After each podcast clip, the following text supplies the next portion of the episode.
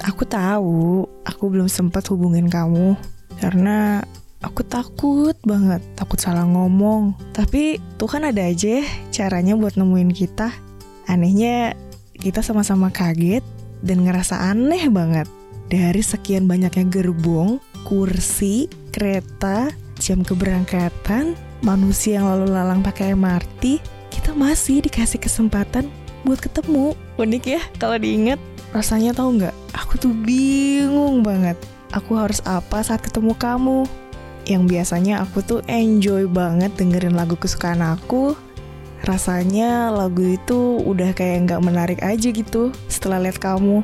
Berhubung di MRT kita nggak boleh ngobrol, kayaknya Tuhan emang cuma ngasih kesempatan buat kita saling tatapan aja deh.